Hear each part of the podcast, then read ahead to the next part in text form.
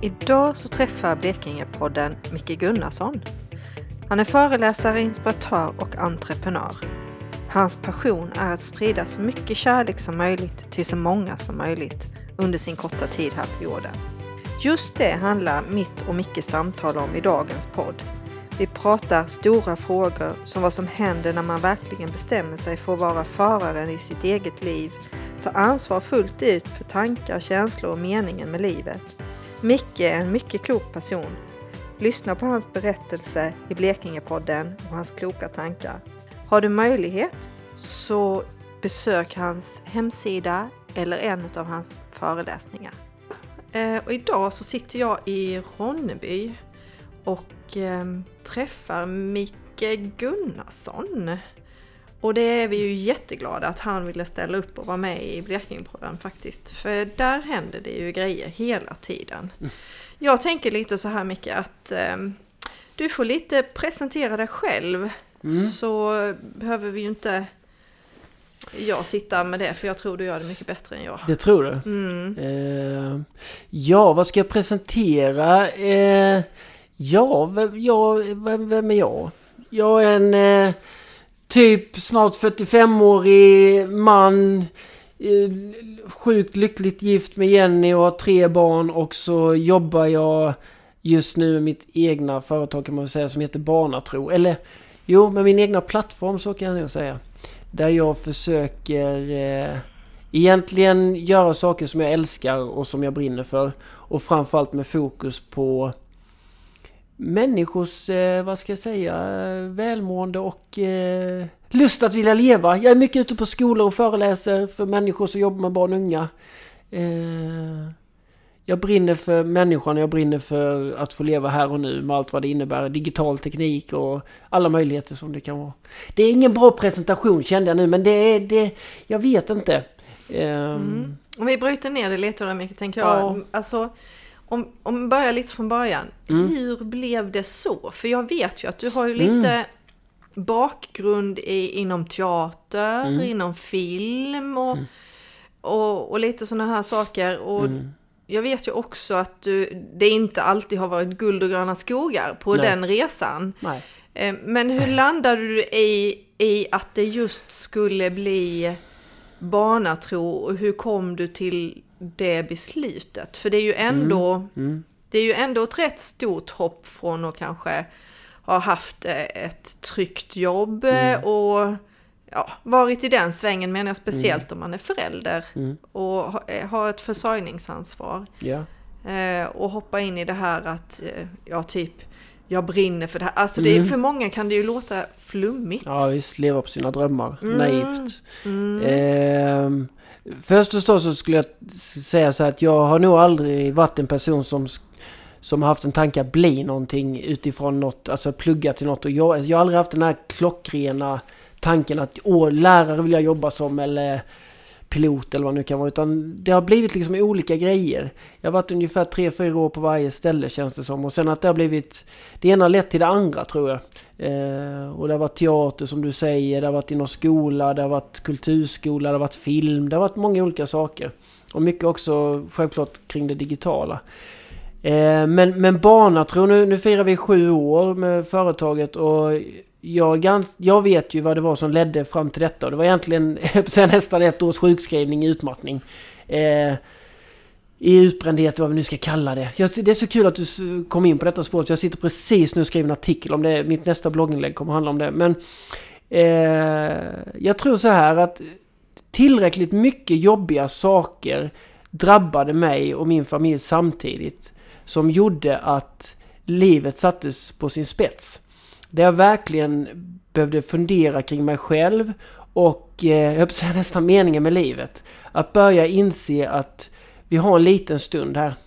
En liten stund på en boll mitt ute i rymden brukar jag säga. Det är där vi snurrar ett tag, cirka 85 år. Sen snurrar vi inte, eller i alla fall inte som människor längre. Och jag tror att eh, i den kollapsen som jag hade där och bygget framåt. Att börja utforska nya saker i mig. Varför jag gjorde som jag gjorde. Varför jag hade så svårt att säga nej. Varför jag jobbade på som jag gjorde. Vad det var som drev mig då kanske mer. Kom till sin spets. Att eh, på något sätt orkade jag inte kämpa längre. Och, och, i samband med att, att jag började peka all energi inåt mot mig själv istället för att peka på alla andra. Så började jag inse hur outforskad jag var själv också.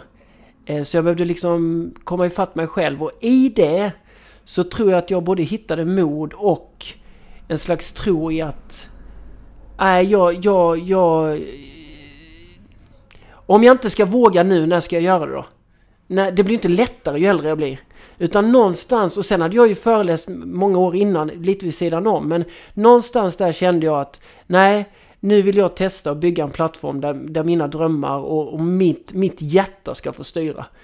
Där eh, jag vill inte ha dagar där jag vaknar på morgonen och tänker en dag till och längtar till helgen. Nu har jag inte haft det så mycket i mitt liv ändå. Men jag, jag ville kompromissa mindre. Och verkligen försöka leva på det jag brinner för och det som är viktigt för mig.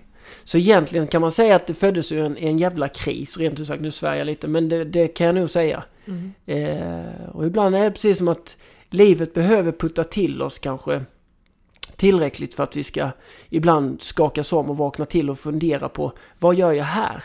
Vad ska jag ha det här projektet till liksom? Eh, och jag tänker mycket också i möten med många ungdomar som jag gör varje vecka och mina egna barn också att hur pass bra säljare är jag av, av tanken kring framtiden för mina barn till exempel?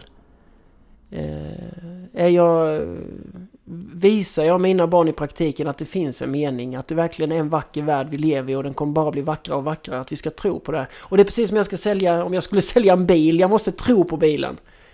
Och om jag ska kunna sälja in den här tiden som vi lever i nu för mina barn så måste jag själv börja tro på den. Och det, det arbetet har... Eh, ja, det finns verkligen en Micke innan skulle jag vilja säga min, min sjukskrivning och en efter. Sen kanske om du frågar folk så kanske de säger men så stor skillnad är det inte. Nej, kanske inte utåt men inåt så är det en jäkla skillnad kan jag säga. Mm.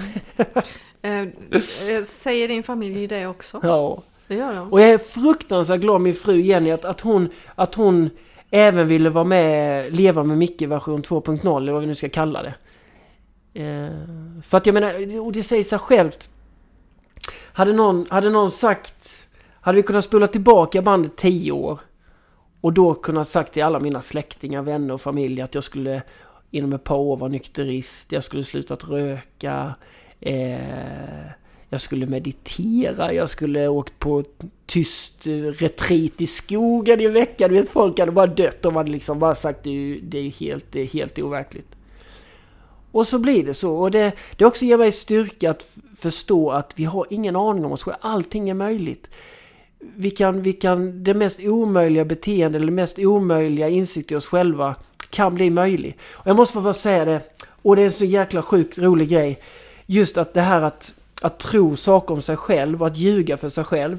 Eh, det är inte alls länge sedan nu, det är bara några månader sedan. Så var jag på ett uppdrag med en, en god vän, Lo Rossling, och eh, gjorde ett uppdrag. Och på kvällen när vi kommer till ett ställe så hade de tagit fram lite kvällsmat. Och då så står det en eh, gryta med havregrynsgröt där. Och, och Lo säger så här, åh vilken, var den så god ut den hemma så här jättefin havregrynsgröt. Så, så, så frågar hon mig, ska inte du smaka? Och då säger jag något, nej jag tycker inte om havregrynsgröt. Jag, sådär. Och jag vet att jag alltid sagt att jag tycker det är äckligt. Sådär.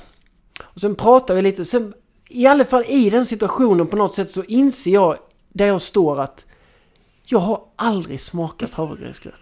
Fattar du det? Jag har aldrig i mitt liv på 45, snart 45 år har jag aldrig ätit havregrynsgröt. Men jag har alltid sagt att jag inte tycker om det och att det är äckligt.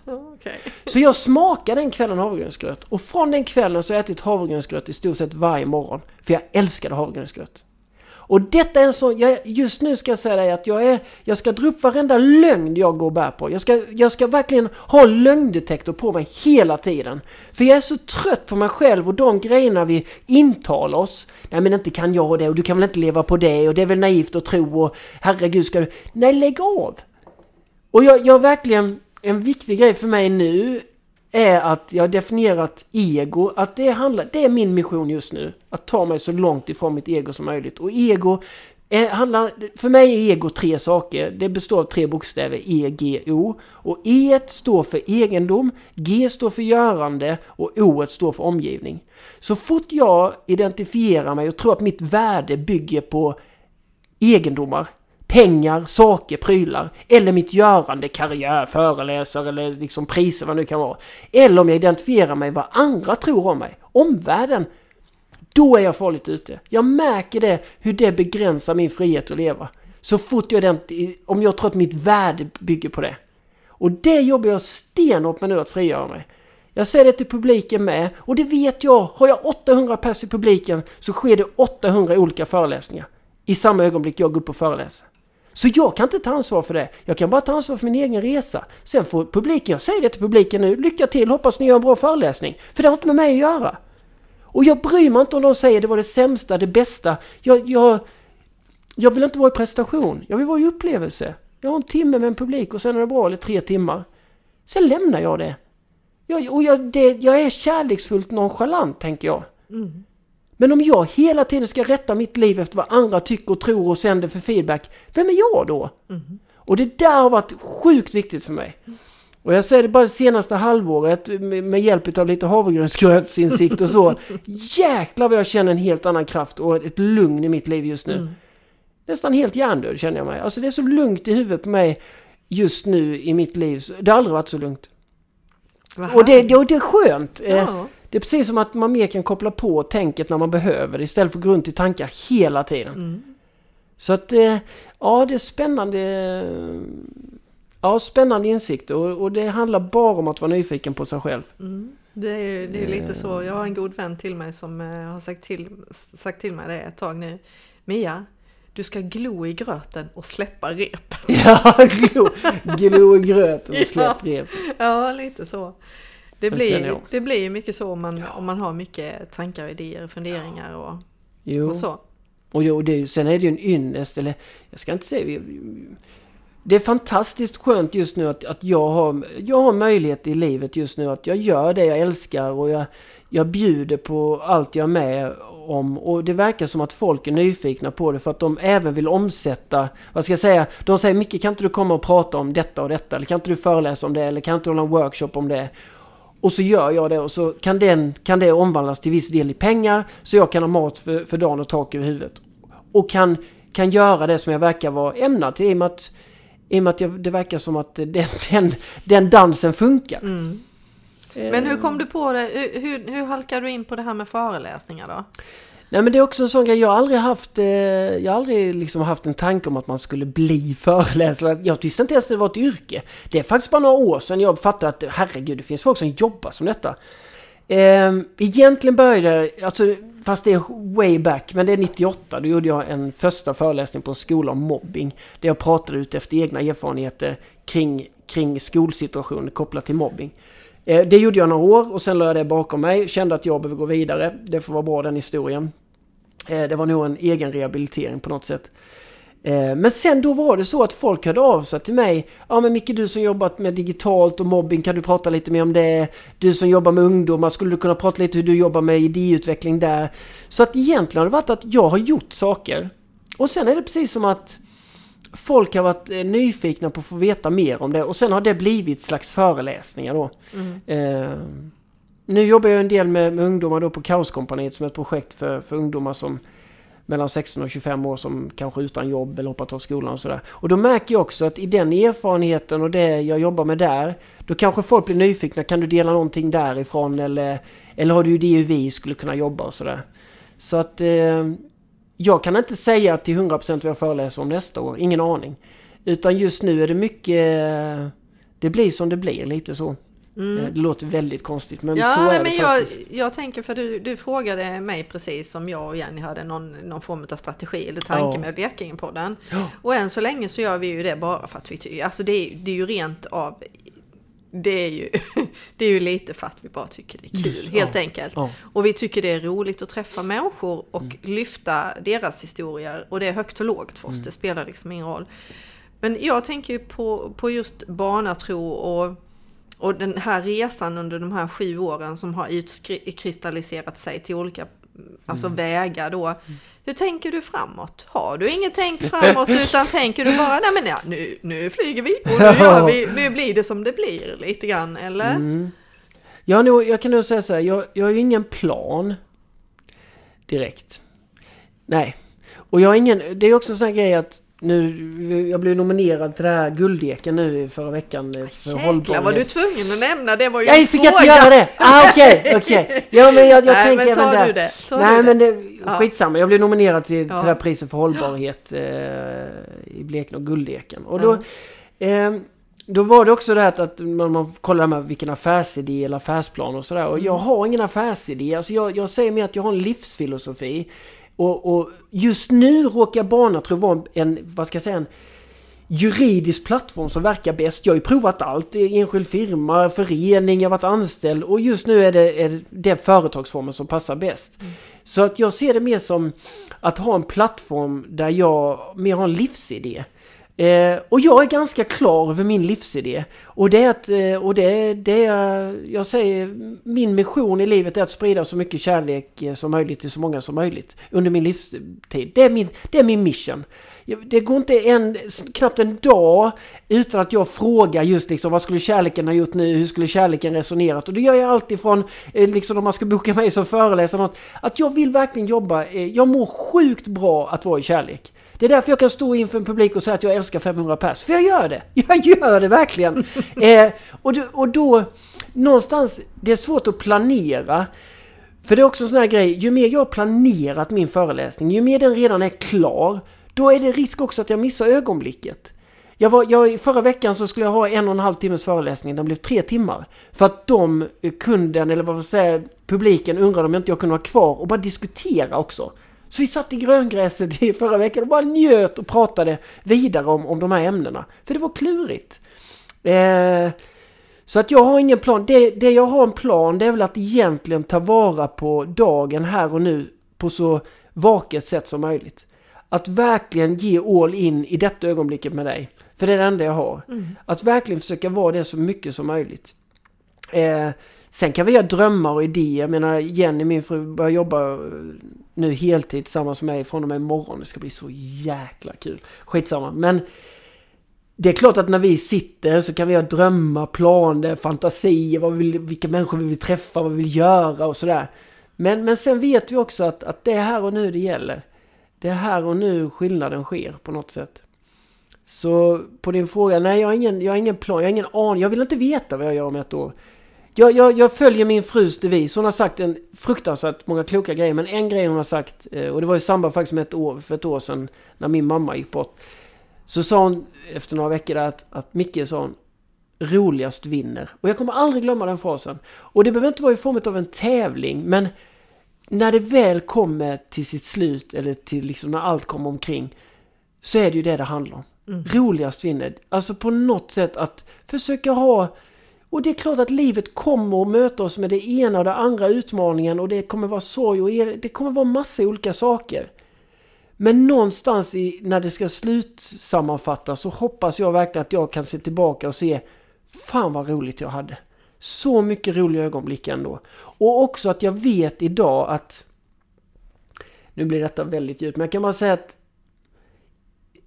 Ingenting, tänker jag så här, ingenting som jag upplevt eller som har hänt mig har skett utanför mig. Allting har skett genom mig. Det är så sjukt viktigt att komma ihåg det. Saker, jag har mött saker men allting på något sätt har kommit genom mig. Och det, det, det, den, är, den är rätt cool när man väl börjar fundera på det. Att då börjar jag inse, wow vad mycket makt, vad mycket mer jag har att säga till om i mitt liv än jag har trott innan. Jag har kunnat tro mycket mer att jag var, var en, vad ska jag säga, ett offer av omständigheterna eller saker drabbade mig eller jag hade otur eller vad det nu kan vara. Men jag fattar idag hur stor möjlighet det handlar om utifrån min egna inställning, min egna syn. Och sen, det är klart att jag inte kan... Det är klart att jag har drabbats av saker i mitt liv som alla andra som man kanske önskar att det inte hade hänt. Men likt tusan efter när vågorna, de högsta vad säger, jag, vågorna har lagt sig eller den största sorgen kanske eller har lagt sig. Så blir det ändå upp till mig. Det kommer ändå handla om mig i slutändan. Det, det, jag kan inte, det är ingen annan som kan leva mitt liv.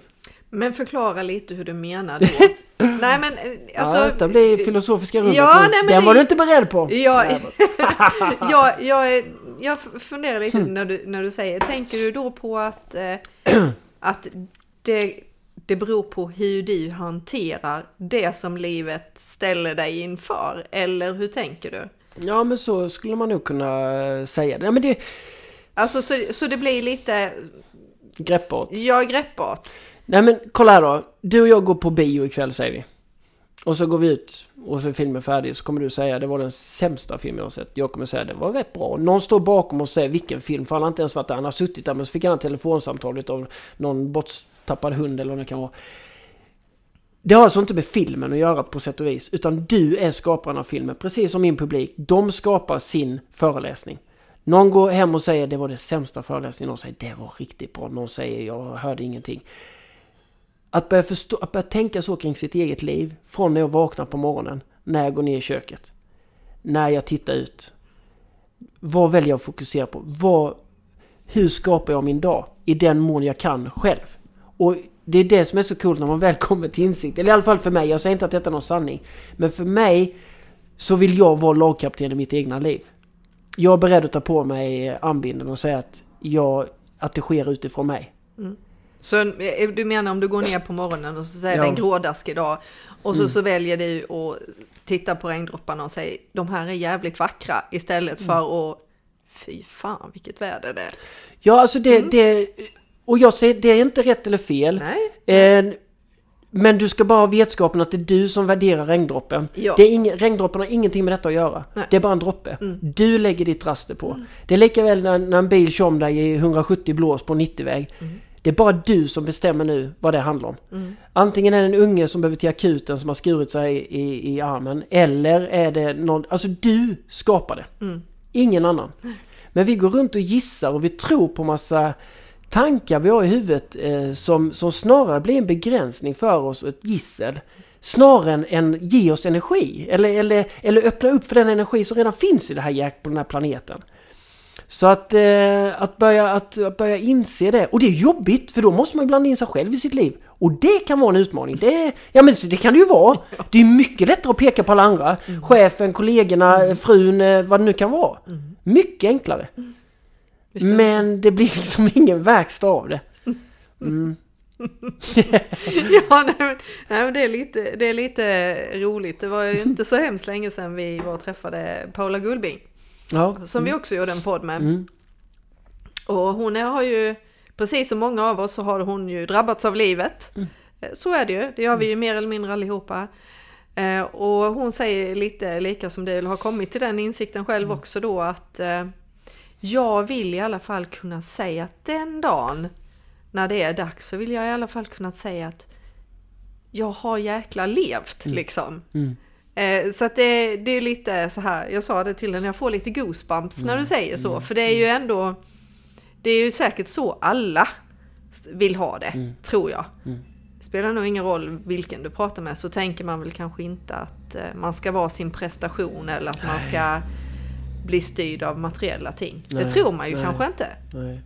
Nej men det gäller att vara nyfiken på sig själv. Jag kallar ju det rumpnisseteknik, alltså att bli sin egna rumpnisse. Att liksom fråga sig själv varför gör jag på detta viset, varför då, och varför säger jag det? Att, att bli mer en, en reflekterande varelse än, än en reagerande om man säger så. Det är så lätt att vi reagerar. Om vi bara skulle kunna lära oss att ge det ett par sekunders andrum och försöka vara nyktra i situationen så vi inte liksom Ja men någon råkar köra in i min kundvagn eh, på Maxi och så blir jag en reagerande var som alltså kan ju bli riktigt liksom förbannad över det och gå och sura hela vägen eh, på Maxi sen och till och med berätta för sina, sin fru när man kommer hem, det är för jävligt och jag ska aldrig mer handla. Alltså, då är vi i reaktionen. Men om vi bara tar ett par sekunders liksom paus och verkligen försöker se vad är det som händer. Så märker vi att i det, det mesta som händer i vårt liv, det är ganska lugnt. Det är ganska chill, det är vi som skapar dramat. Det är jag som väljer att jag vill vara i ett drama helt plötsligt. Och det, det där... Jag tycker det, det, det är spännande om man börjar titta på de grejerna. Och, och sen som jag sa där med kärleken att... Jag, jag, jag, jag har ju verkligen börjat praktisera detta. Jag har till och med fått föreläsa om det i Stockholm nu om kärleken. Det är ju helt fantastiskt. Men just det, ja, det, det, det var egentligen för några veckor sedan, eller det är nog en och en halv månad sedan nu när jag var i Göteborg. Där jag bestämde mig morgonen, nu låter detta helt flippat men det gör inget. Där jag bestämde mig alltså på morgonen att idag ska jag vara kärleken. Jag ska ta ansvaret och vara kärlek. I allt som händer mig under hela dagen i Göteborg ska jag vara kärleken. Så jag gick nästan runt, nästan var som, som en teaterföreställning. Så, här. så jag hela tiden så här, vad skulle kärleken ha gjort? Vad skulle kärleken ha sagt? Och jag kan säga det, de grejerna som hände den dagen skulle aldrig ha hänt om inte jag gick in i, den, eh, i det mindsetet. Det var sådana fantastiska möten bara genom att jag eh, satte på mig den, vad ska jag säga, filtret. Att försöka se genom kärlek. Och det var, det var en, eh, jag brukar berätta, det var en tysk familj som eh, kom i parkeringshuset och de kunde inte betala via appen. De hade inte den här parkeringsappen i sin mobil. De kom från Tyskland, bla, tyska abonnemang vad det nu var. Och då så säger jag, ah shit jag vet inte hur man gör. Så, jag, men så sa jag, men, men jag har ju den appen. Så jag måste ju kunna ta ert registreringsnummer och betala parkeringen. Jaha, så de så sa jag, hur länge ska ni parkera? Tre timmar. Så gick det på 180 spänn. Och så sa jag det kostade 180 kronor. Och då sa de, nej men oj, vi har inte så mycket cash, vi trodde inte det var så dyrt och sådär. Och då bara ställde jag frågan, hur skulle kärleken ha gjort? Och du vet, kärlek, när jag, ibland när jag testar med en publik så frågar jag så här, räck upp handen alla ni som tror att kärleken hade sagt till den här familjen, bad luck, lycka till och gått därifrån. Ingen räcker upp handen. För alla vet att kärleken hade pröjsat det om man kan. Så det var ingen, det var, så jag betalade och de bara, nej men du, du behöver inte betala. Jag bara, jag är kärleken. Och de bara, va? Det var jättekonstigt. Men, men det blev så enkelt. Och detta följde hela dagen, hela dagen. Jag såg saker jag inte annars hade sett. Jag kom i ett tåg eller spårvagn där det var jättemycket folk.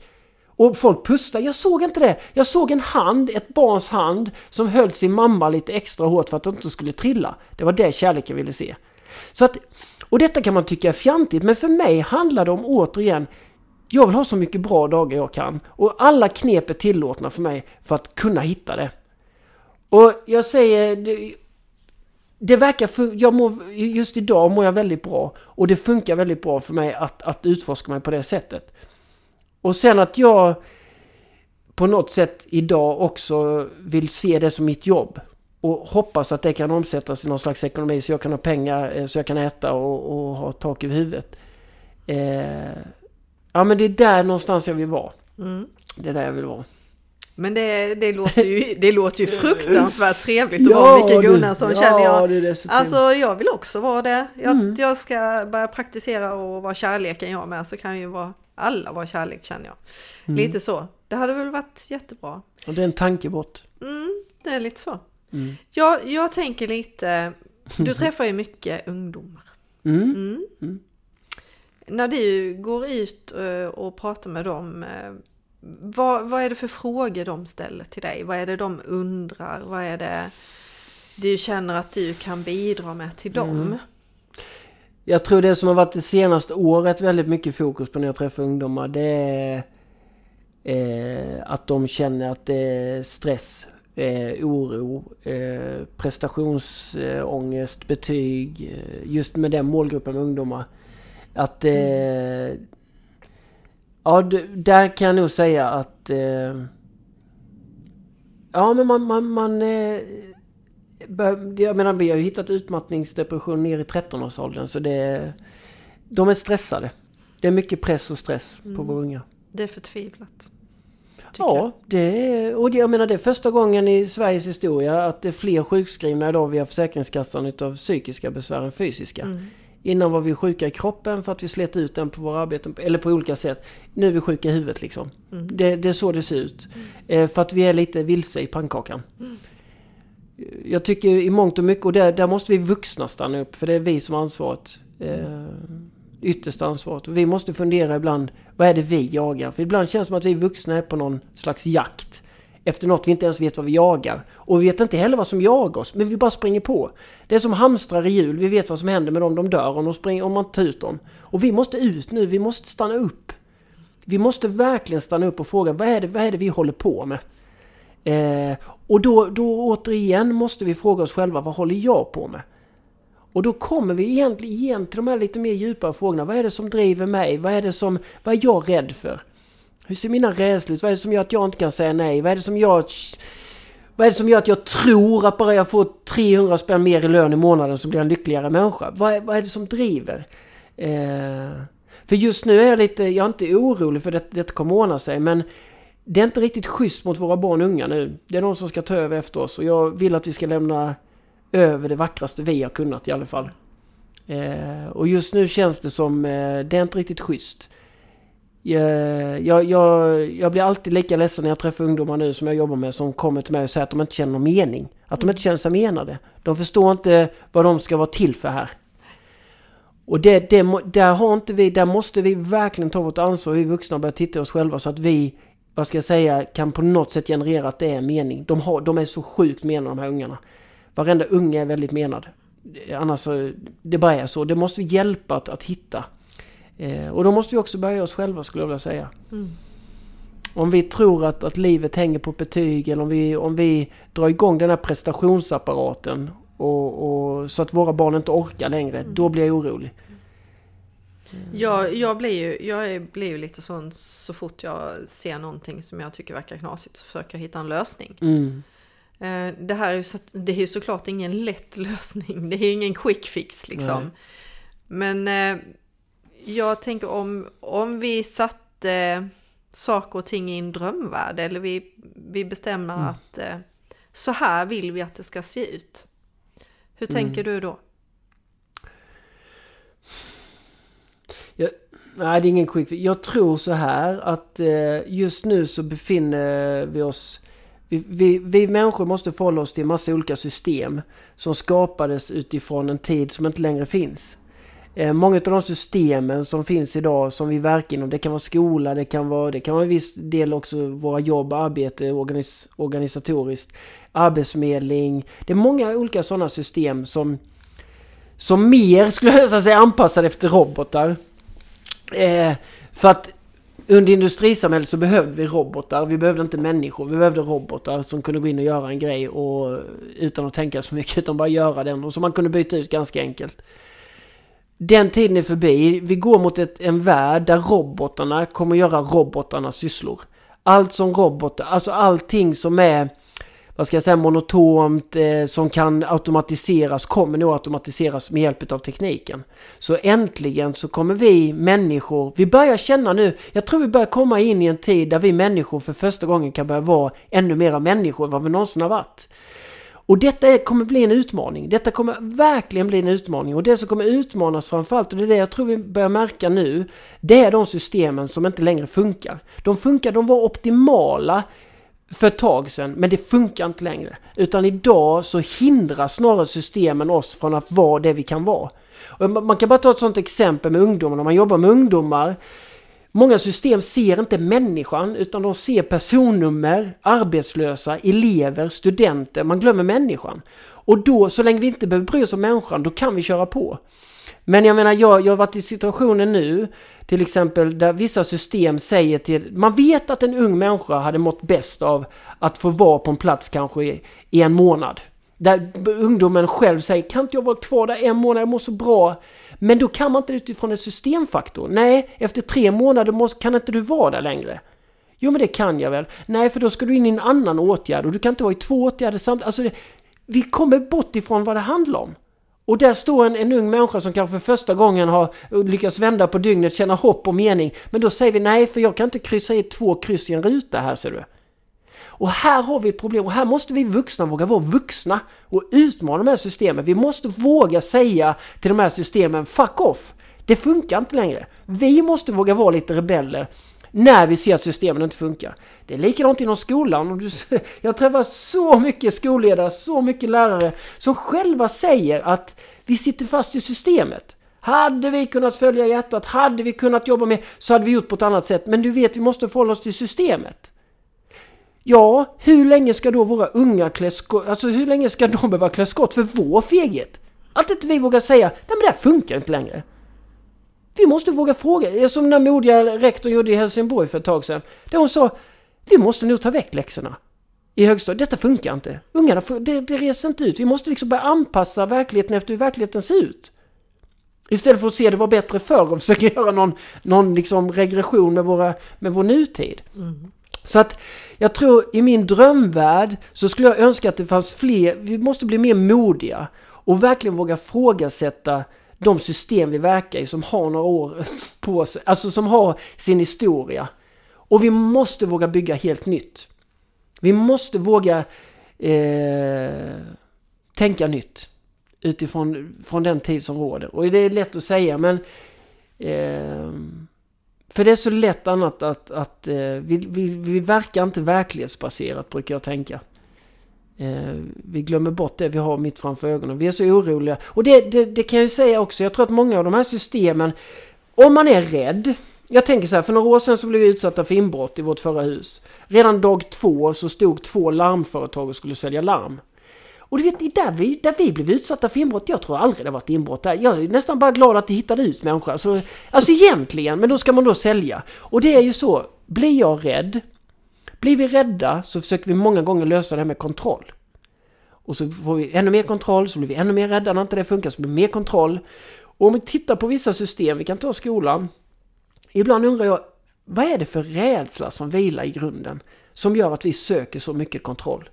Mätinstrument, till och med jag har fått sms om min grabb är fem minuter för sent till lektion. Vi bygger så mycket kontroll. Jag tror det är 96 stycken kriterier i engelskan att förhålla sig till utifrån betygssättningen bara i engelska i högstadiet. 96 kriterier! Som man ska bedöma en sjundeklassare. Och, han, och de blir nervösa och jag får inte godkänt. Alltså, jag tror vi, vi måste kanske komma till bukten. Vad är det vi är rädda för? Vad är det vi inte ska fixa? Vad är det vi är så oroliga Vi är så oroliga för våra barns framtid brukar jag säga så vi glömmer att träffa dem här och nu.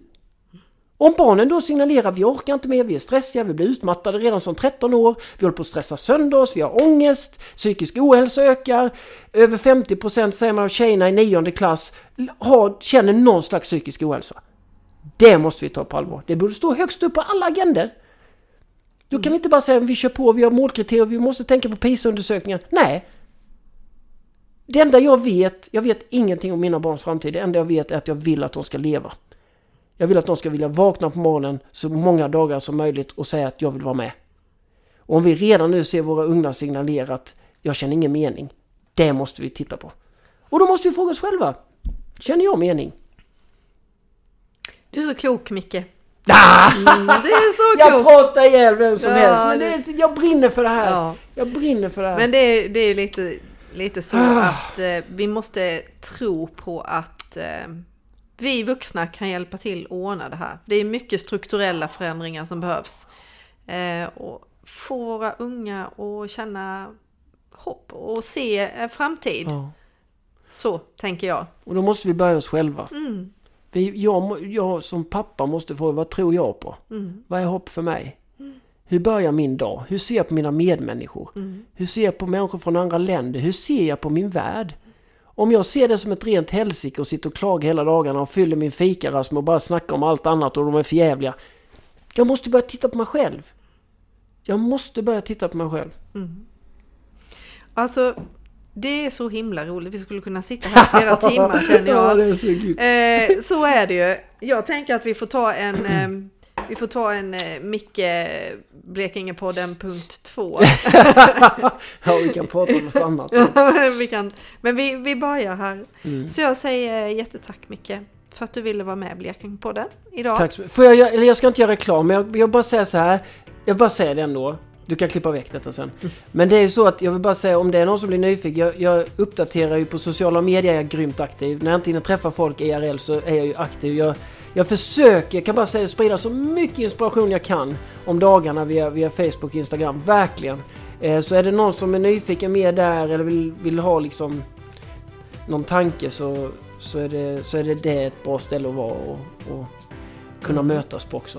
Och jag tänker på att du, du har ju eh, en hemsida med, eller hur? Ja, just det. Mm. Mm. Eh, och den heter Barnatro, eller heter den Nej, mickegunnarsson.se. mickegunnarsson.se Ja. är det ja. Så då tänker jag att man kan eh, gå in där och kika också. Mm.